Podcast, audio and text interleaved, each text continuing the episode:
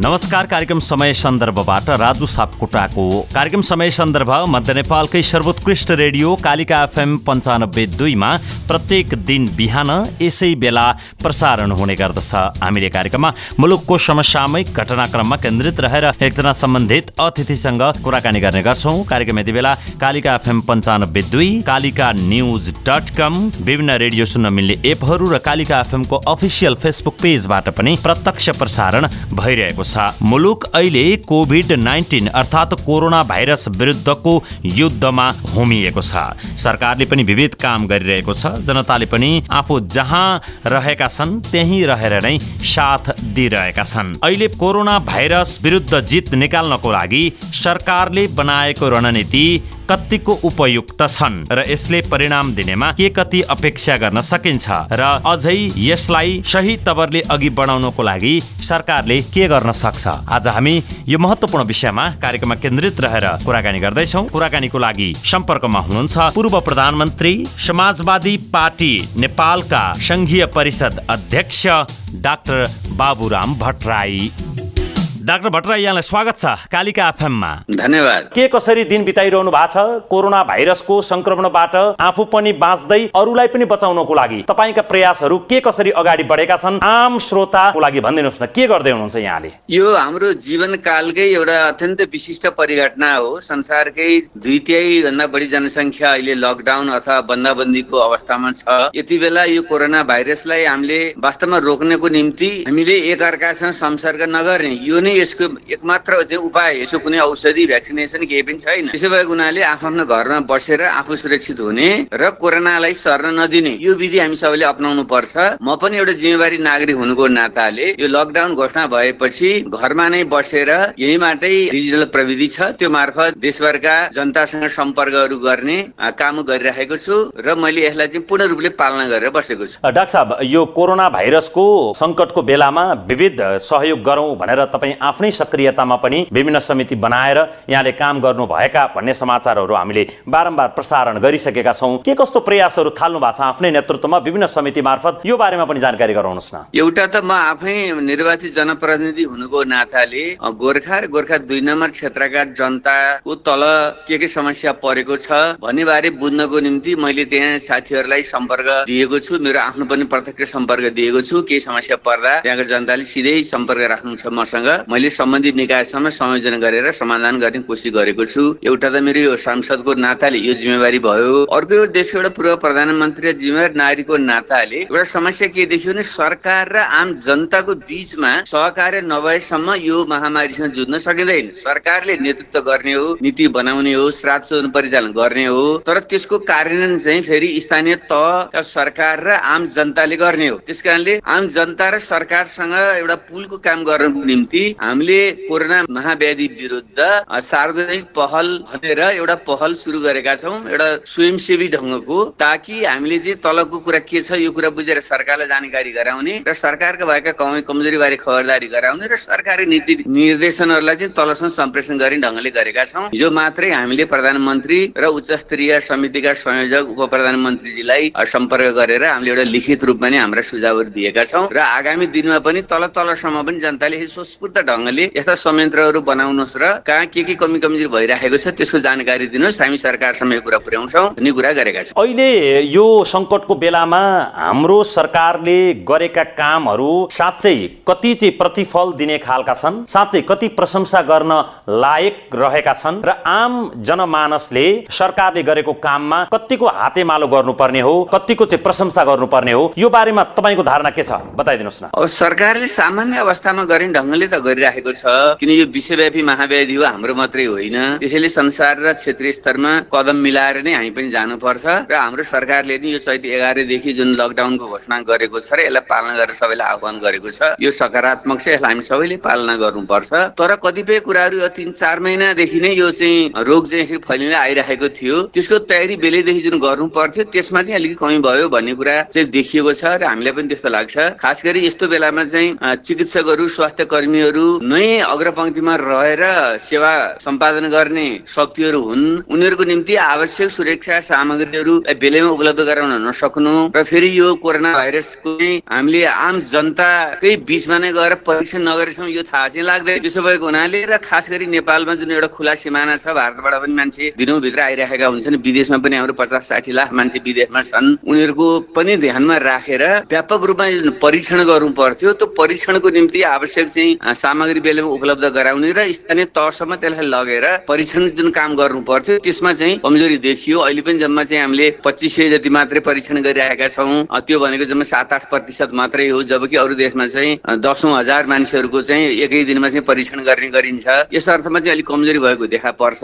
त्यसको सँगसँगै यो लकडाउन भएपछि जो ज्यालादारी गरेर चाहिँ खाने मानिसहरू छन् अत्यन्त विपन्न वर्गका मानिसहरू छन् यस्तो निम्ति चाहिँ तुरुन्तै चाहिँ व्यवस्थापन जुन गर्नु पर्थ्यो यसमा पनि ढिलो भयो। अलिकति सैद्धान्तिक निर्णय त गर्यो स्थानीय तहले त्यसको व्यवस्थापन गरोस् त भन्यो। तर स्थानीय तहलाई बेलैमा साधन स्रोत चाहिँ उपलब्ध नगराउँदाखेरि चाहिँ त्यो बेरोजगार बनेका मानिसहरू चाहिँ बडो बिचलीमा परेका छन्। अहिले काठमाडौँबाट मान्छे पहिलो तिन चार सय किलोमिटर हिँडेर चाहिँ यहाँबाट धनगढीसम्म पुग्ने पूर्व विराटनगरसम्म जाने जुन भइरहेको छ यस बारेमा पनि सरकारले अलिकति बेलैमा ध्यान पुर्याउनु पर्थ्यो। यस्ता कुराहरूमा चाहिँ अलिकति कमजोरी रह्यो भन्ने चाहिँ मलाई लाग्छ। जस्तो कमजोरी भएका जुन पाटो छन् त्यो पाटालाई साँच्चै सुधार्न सकिन्छ सकिन्न? सरकारले काठमाडौँबाट दुई दिन चाहिँ बाहिरिन दिने तर भित्रिन नदिने खालको निर्णय गर्यो। फेरि डेढ घन्टा पनि टिक्न सकेन। यो सवालमा जो काठमाडौँबाट बाहिर जान चाहन्छन् उनीहरूलाई साँच्चै काठमाडौँभन्दा बाहिर पठाउन मिल्ने हो मिल्ने होइन अथवा त्यो गर्दा अझै धेरै जोखिम रहन्छ। तपाईँको बुझाइ के छ?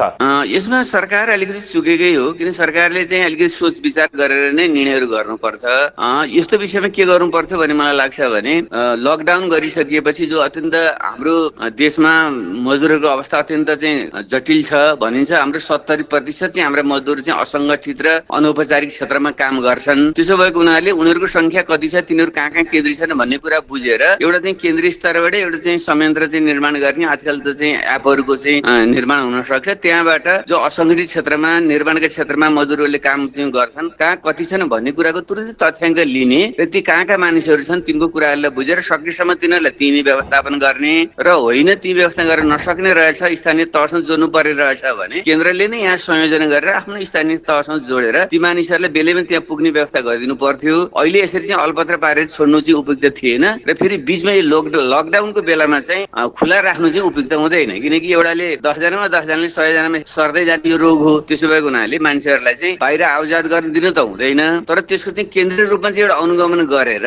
तिनीहरूलाई चाहिँ एउटा व्यवस्थापन गर्न सक्नु पर्छ त्यसमा चाहिँ कमजोरी भएको जस्तो अहिले चाहिँ सरकारले बनाएको उच्च स्तरीय समितिले काम गरिरहेको छ। यो उच्च स्तरीय समिति भन्दा पनि सर्वदलीय समिति बनाएर विभिन्न पार्टीका शीर्षस्थ नेताहरूलाई अथवा प्रतिनिधिहरूलाई त्यहाँ राखेर निर्णय गर्न सक्यो भने चाहिँ अलिकति आलोचना नहुने अलिकति धेरैजनाको दिमाग लागेपछि अझ राम्रो खालको आइडियाहरू फुर्ने खालको परिस्थिति बन्न सक्छ भनेर पनि चाहिँ धेरै सुझावहरू आएका छन् डाक्टर साहब होइन? तपाईँको सुझाव चाहिँ के रहन्छ यो बारेमा? अरे यस्तो बेलामा त हामीसँग निर्वाचित सरकार छ।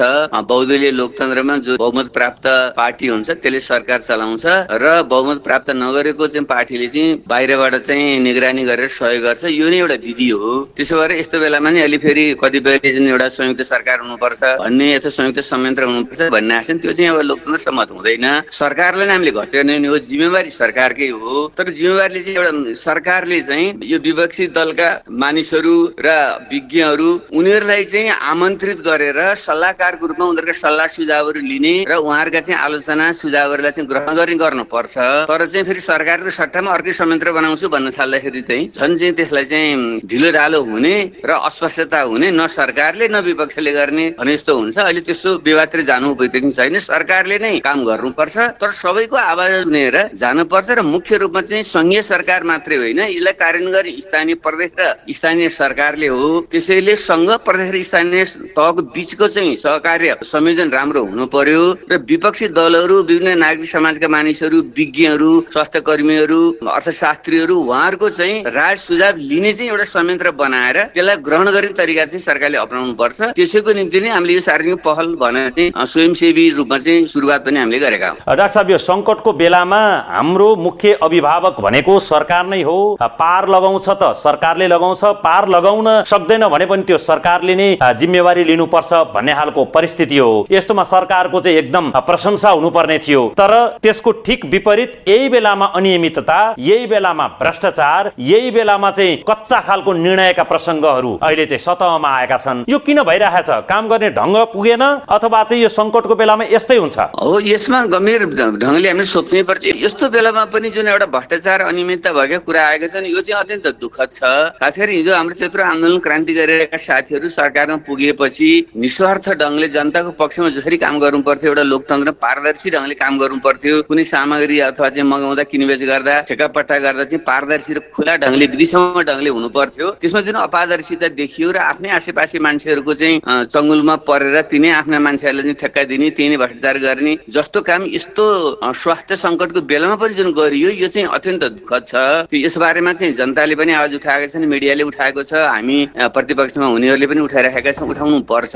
यसमा चाहिँ अब सरकारको कमजोरी त हुँदै हो। त्योभन्दा पनि ठुलो चाहिँ कुरा के हो भनेदेखि यो राज्य भनेको चाहिँ हामी सबैको जनताको चाहिँ एउटा साझा अभिभावकीय संयन्त्र हो भन्ने कुरा बुझ्नु पर्थ्यो राज्य भनेको चाहिँ जुन पार्टीले जितेर गयो त्यसको चाहिँ एउटा निजी सम्पत्ति हो यसको चाहिँ आफ्नो ढङ्गले जे दुरुपयोग गरिनु हुन्छ भन्ने मान्यता राख्नु हुँदैन थियो। त्यसो देख्नु उपयुक्त भएन। तैपनि यस्तो बेलामा चाहिँ धेरै विवादमा पर्नुभन्दा सरकारले बेलैमा चाहिँ यस्ता कमी कमजोरीलाई चाहिँ स्वीकारेर सच्याउँदै जाने र नागरिकहरू र प्रतिपक्षी दलहरूले चाहिँ सरकारले खबरदारी गर्ने र सरकारका चाहिँ लकडाउन लगायतका जुन प्रयत्नहरू छन् त्यसमा चाहिँ फेरि सहयोग पुर्याउने। यसरी चाहिँ अहिले हामी जानु पर्यो अर्थात् चाहिँ एउटा रचनात्मक आलोचना सहितको चाहिँ सरकारले सहयोग गरेर जाने हामी सबैको चाहिँ यति बेला चाहिँ नीति र व्यवहार हुनुपर्छ। प्रधानमन्त्रीले एक्सन लिने सवालमा चाहिँ अलिकति खुट्टा कमाउनु भयो। यो बेलामा चाहिँ जोसँग क्षमता छ क्षमतावान मान्छेहरू खोजेर स्वास्थ्य मन्त्रालयको जिम्मेवारी दिने अथवा त्यस्तै किसिमको जिम्मेवारी दिने पनि त्यो अधिकार प्रधानमन्त्रीसँग थियो किनकि दुई तिहाईको सरकार अहिले रहेको छ। त्यो आफूसँग भएको अधिकार प्रधानमन्त्रीज्यूले चाहिँ प्रयोग गर्न चाहनु भएन किन चाहनु भएन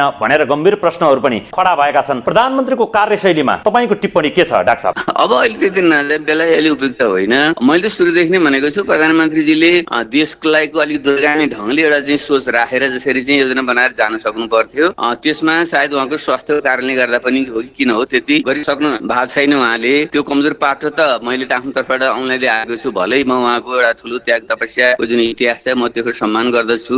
तर त्यहाँ चाहिँ उहाँको क्षमता नपुगेको हो कि अथवा उहाँले क्षमताको चाहिँ परिचालन गरेर नजान्नु भएको हो। हाम्रो सबै पार्टीहरूको चाहिँ समस्या के पर्यो भने हामीले पार्टीलाई एउटा नीतिको आधारमा आदर्शको आधारमा चलाउनु भन्दा पनि आफ्नो एउटा स्वार्थको रूपमा मात्रै यसलाई ग्रहण गर्ने र हामी सबैले आफ्नो गुट बनाउने अनि गुटकै मान्छेहरूलाई घेरिएर बस्ने यस्तो त देखियो। अब उहाँकोमा अलिक बढी देखियो होला अरूमा कमी देखियो होला। यो हाम्रो पार्टीहरू सबैको चाहिँ यो रोग चाहिँ म त्यति देख्छु। यसलाई हामी सजाय जान्नुपर्छ। यति बेला हामीले पार्टी गुट हेर्ने होइन।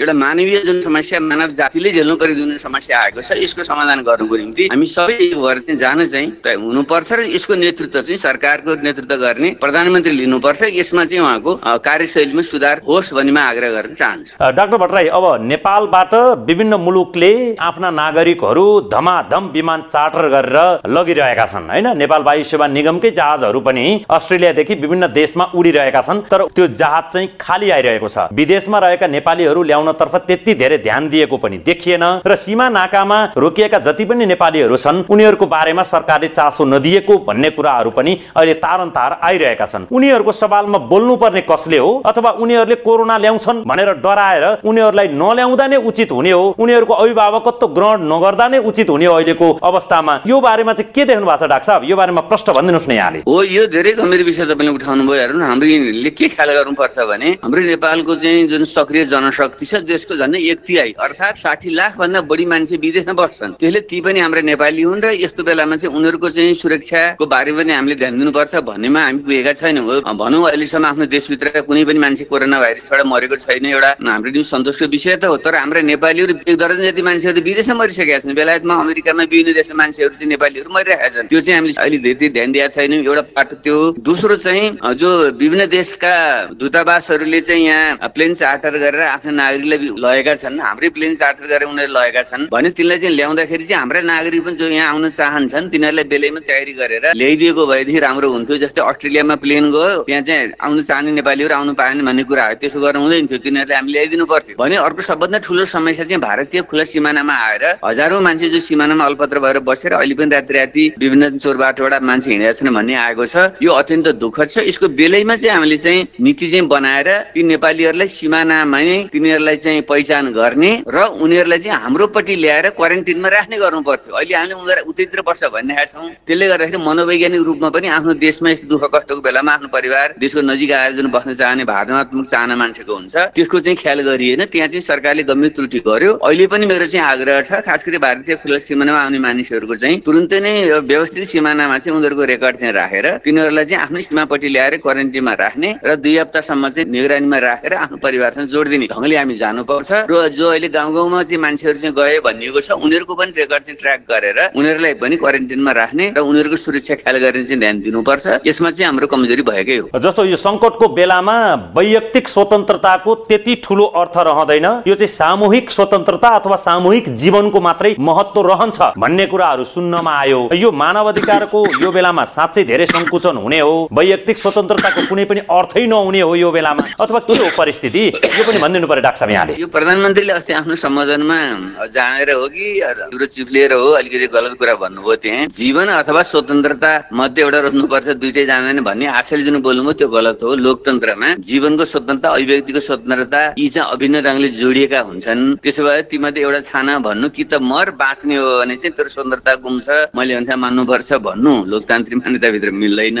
यो उहाँले बुझेर भन्नु हो कि अथवा नबुझिकन भन्नु हो यो चाहिँ बेठिक हो यसबारे चाहिँ सबैले टिप्पणी गरिरहेका छन्। म पनि के आग्रह गर्न चाहन्छु भने यो यस्ता महाव्याधिहरू आउँदाखेरि इतिहासमा पनि के भएको छ भने जहाँ अलि त लोकतान्त्रिक तरिकाले खुला ढङ्गले मानिसहरूका आवाजहरू भनाइहरू सुन्ने र सरकारले पनि पारदर्शी ढङ्गले विधिसम्म ढङ्गले काम गर्दाखेरि चाहिँ जनधनको क्षति कम भएको छ विवाद पनि भएको छैन। तर चाहिँ तानाशाही शासकहरूले जनताका सबै अधिकार कुण्ठित गरेर मैले जे भन्छु त्यही मान भन्दाखेरि चाहिँ जनताको सहभागिता त्यहाँ नहुने त्यसले गर्दाखेरि सरकार एक्लैले चाहिँ काम गर्न नसक्ने र त्यसले चाहिँ गर्दाखेरि झन् मानिसहरूको चाहिँ ज्यान बढी गएको नोक्सान बढी भएको देखिएको छ र त्यही स्वतन्त्रता कुण्ठित हुने बाहना गर्ने चाहिँ एउटा बाहनामा चाहिँ गलत मान्छेहरूले चाहिँ भ्रष्टाचार गर्ने अनियमितता गर्ने पनि हुन्छ। त्यसो भएको हुनाले हामीले जीवन र स्वतन्त्रता मध्ये एउटा छान भन्नु हुँदैन। हामीले लोकतन्त्रमा दुइटै चाहिन्छ। डाक्टर साहब यो लकडाउन बाहेक अरू विकल्प छैन? अब जति लकडाउन लम्बिन्छ अब त्यसलाई सहर्ष ग्रहण गरेर आम सर्वसाधारण घरभित्र बस्नुको कुनै पनि विकल्प छैन हो। जति लम्बिए पनि अब सहनै पर्ने परिस्थिति हो। अब यो लकडाउन त बाध्यता हो तर लकडाउन पनि विविध तरिकाहरू अप्नाउन सकिन्छ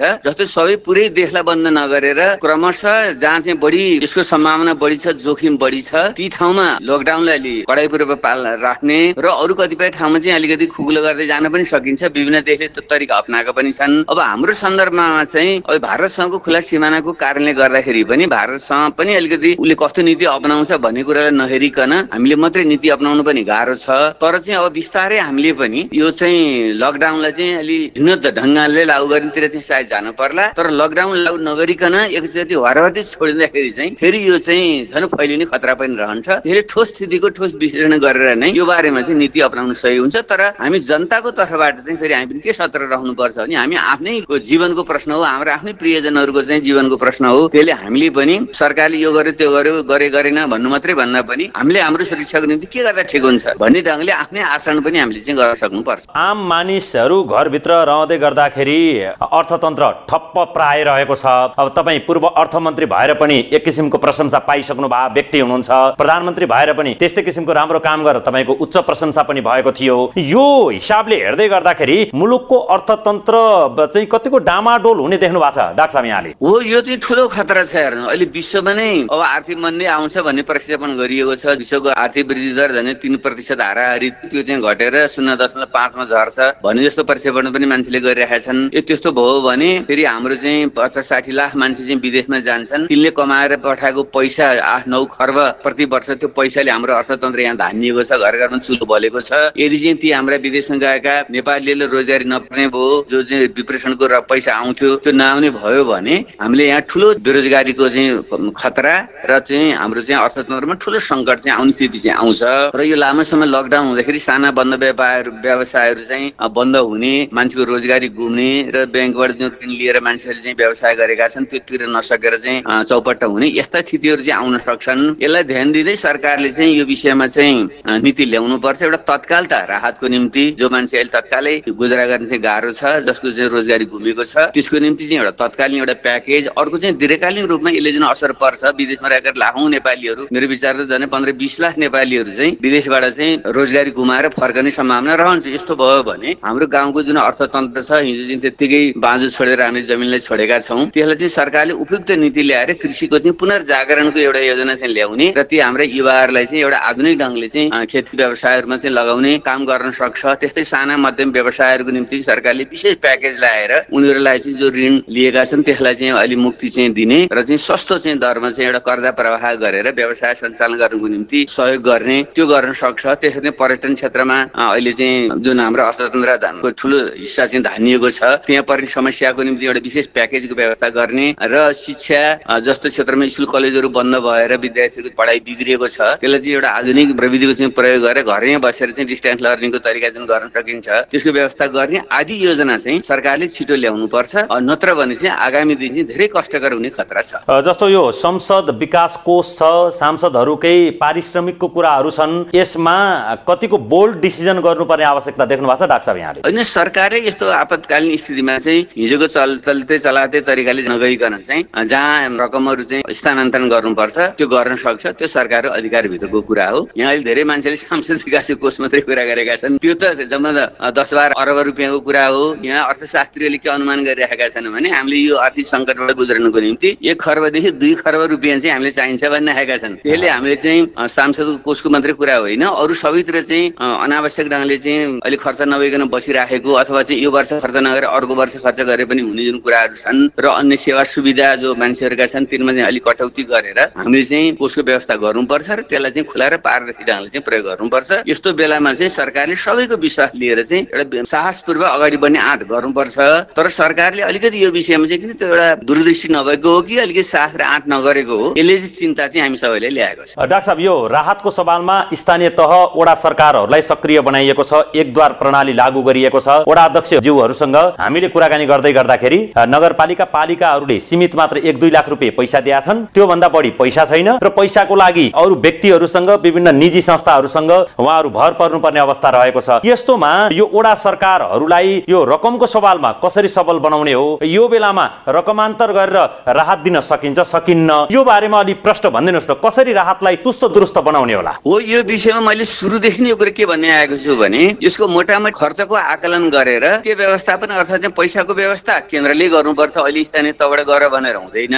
केन्द्रले नै मोटामोटी आकलन गरेर सबै स्थानीय तहहरूमा चाहिँ कति आवश्यक पर्छ? भन्ने ढङ्गले चाहिँ सिधै प्रदेशसँग संयोजन गरेर स्थानीय तहमा त्यसलाई चाहिँ पैसा चाहिँ पठाइदिने। र स्थानीय तहले चाहिँ त्यहाँको चाहिँ स्थितिको मूल्याङ्कन गरेर जो विपन्न समुदायका मान्छे हुन् बेरोजगार भएका मान्छे हुन् लगायतका समस्या परेका मान्छेहरूलाई राहत दिने कार्यक्रम त्यसले गर्ने र यसको अनुगमन गर्नको निम्ति त्यहाँ चाहिँ एउटा सर्वपक्षीय संयन्त्र बनाउने ताकि त्यसो हो भने त्यहाँका सबैले चाहिँ यसको सहयोग चाहिँ पाउँछ यसो हुनु पर्थ्यो तर यो धेरै ठाउँ नभएको आइराखेको हुनाले मैले हिजो मात्रै पनि मन्त्री र यहाँको प्रधानमन्त्री मैले फोन गरेर यो विषय मैले उहाँलाई राखेँ। मलाई भन्दा चाहिँ उहाँले के भन्नुहुन्थ्यो भने हामीले जुन स्थानीय तहलाई सम्मानीकरण अनुदान भनेर चाहिँ जुन दिने गरेका छौँ प्रदेशलाई स्थानीय सरकारलाई त्यसै एउटा खर्च गर्नुहोस् भनेर हामीले निर्देशन दिएको हो। किन हो? अलमान लिएर उहाँले चाहिँ गर्न सक्नु भएन भन्नुहुन्थ्यो।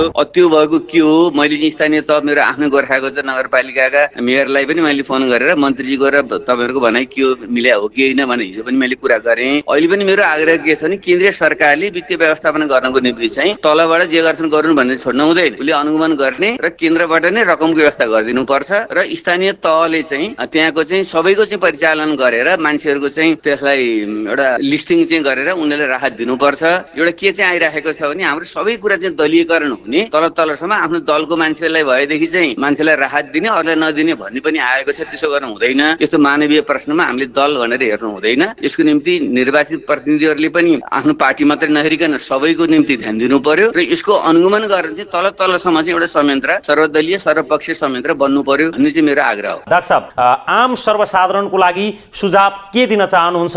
सर्वसाधारणले अहिले ढाडसको चाहिँ खाँचो छ उहाँहरूलाई होइन? यही अपेक्षा गरिरहेका छन्। कसले चाहिँ हामीलाई ढाडस दिने हालको कुरा गर्ला यही अपेक्षा छ आम सर्वसाधारणको हो होइन? उहाँहरूलाई के छ? तपाईँको के सुझाव रहन्छ? म सबै दिदीबहिनी दाजुभाइहरूलाई आग्रह गर्न चाहन्छु यो महाव्याधि प्रकृति र मानिसहरूको बिचको एउटा लामो सङ्घर्षकै एउटा परिणाम पनि हो। तैपनि हाम्रो जीवनकालमा यति ठुलो हामीले बिहोऱ्यौँ त्यसैले यस्तो बेलामा पहिलो कुरो त हामी आत्तिनु हुँदैन प्रकृतिसँग जुधेर यस्ता सङ्कटसँग महाव्याधिसँग जुधेर नै मानव जातिले विकास गर्दै आएको छ। यो कोरोना महाव्याधि पछि पनि संसार रहन्छ तपाईँ हामी रहन्छन् हाम्रो जीवन रहन्छ। त्यसैले हामीले सकारात्मक सोच राखेर नआत्तिकन हामी अगाडि बढौँ र अहिले लकडाउन जस्ता अप्रिय जुन विधिहरू अप्नाउनु परेको छ यो हाम्रो बाध्यता हो यसलाई हामी सबैले पालना गरौँ। सँगसँगै हामी आफैले पनि अब घरमा बस्दाखेरि चाहिँ अलिकति मानसिक चाहिँ टेन्सन हुने तनाव हुने आदि पनि हुन्छ। त्यसो भएको हुनाले तपाईँले घर परिवारसँग चाहिँ हाम्रो जुन संस्कृति अनुसार मिलेर कुराकानीहरू गरेर गफिएर चाहिँ यसरी चाहिँ बस्ने र आफ्नो रुचि अनुसार चाहिँ कसैले लेखपढ गर्न सक्छ कसैले चाहिँ करेसाबारी खेतीपाती गर्न सक्छ कसैले कला आदि चाहिँ सिर्जना गर्न सक्छ गरेर आफूलाई व्यस्त राख्ने र मनोबल उच्च राख्ने यो ढङ्गले तपाईँहरू चाहिँ जानु होला। यो महाव्याधि विरुद्ध चाहिँ अब हामीले जित्नु पर्छ यो जितिसकेपछि फेरि जुन नयाँ संसार बन्छ योभन्दा उन्नत संसार हामीले चाहिँ बनाउनु पर्छ यसमा विश्वस्त भएर अगाडि बढौँ। हामी सबै सुरक्षित बनौँ। म सबैसँग यही आग्रह गर्न चाहन्छु। यो महामारी विरुद्ध जित निकाल्न कति टाइम जति लाग्ला? तपाईँको अनुमानमा? अब हेर्नु यसलाई चाहिँ वैज्ञानिकहरूले संसारभरि नै अहिले प्रयोगशालामा परीक्षण गरेका छन्। अर्थशास्त्रीहरूले चिन्तकहरूले चाहिँ आकलन गर्ने कोसिस गरिरहेका छन्। ठ्याक्कै भन्न चाहिँ अहिले एकदम गाह्रो छ। कतिपयको भनाइ चाहिँ पाँच छ महिनासम्म जान सक्छ भन्ने छ कसैको एक वर्षसम्म जान सक्छ भन्ने छ त्यसले यस बारेमा ठ्याक्कै भन्नु त सकिँदैन। तर यसको चाहिँ एउटा चक्र हुँदो रहेछ। अब एकदम उत्कर्षतिर गइरहेको छ। खासरी पहिले चिनबाट सुरु भएर पहिले युरोप र अमेरिकातिर उत्कर्षतिर गयो। तर चाहिँ हाम्रो यो दक्षिण एसिया र अफ्रिकातिर चाहिँ त्यति यो अहिले उत्कर्षतिर गएको छैन। त्यसले के हुन्छ पर्खेर हामीले हेर्न पर्छ। तर हामी सतर्क हुँदै धेरै चाहिँ निराश नबनिकन नआत्तिकन जस्तै खराब परिस्थितिको निम्ति पनि फेरि मानसिक रूपमा तयार भएर बस्नुपर्छ। त्यसले सबभन्दा खराबको निम्ति चाहिँ सचेत बनौँ तर ठिक राम्रो हुनेछ भन्ने चाहिँ आशा गरौँ। यही नै अहिलेको निम्ति उपयुक्त चाहिँ तरिका हो। डाक्टर साहब यहाँले आफ्नो व्यस्तताको बावजुद पनि कार्यक्रमलाई समय उपलब्ध गराइदिनु भयो आफ्नो धारणा राखिदिनु भयो। अत्यन्त आभारी छौँ र धन्यवाद पनि छ। सुरक्षित र सतर्क रहनको लागि हाम्रो तर्फबाट तपाईँलाई अनुरोध पनि छ। ल यहाँलाई पनि धेरै धन्यवाद। सुरक्षित रहनुहोस्। हामी सबैको भलो होस्। धन्यवाद।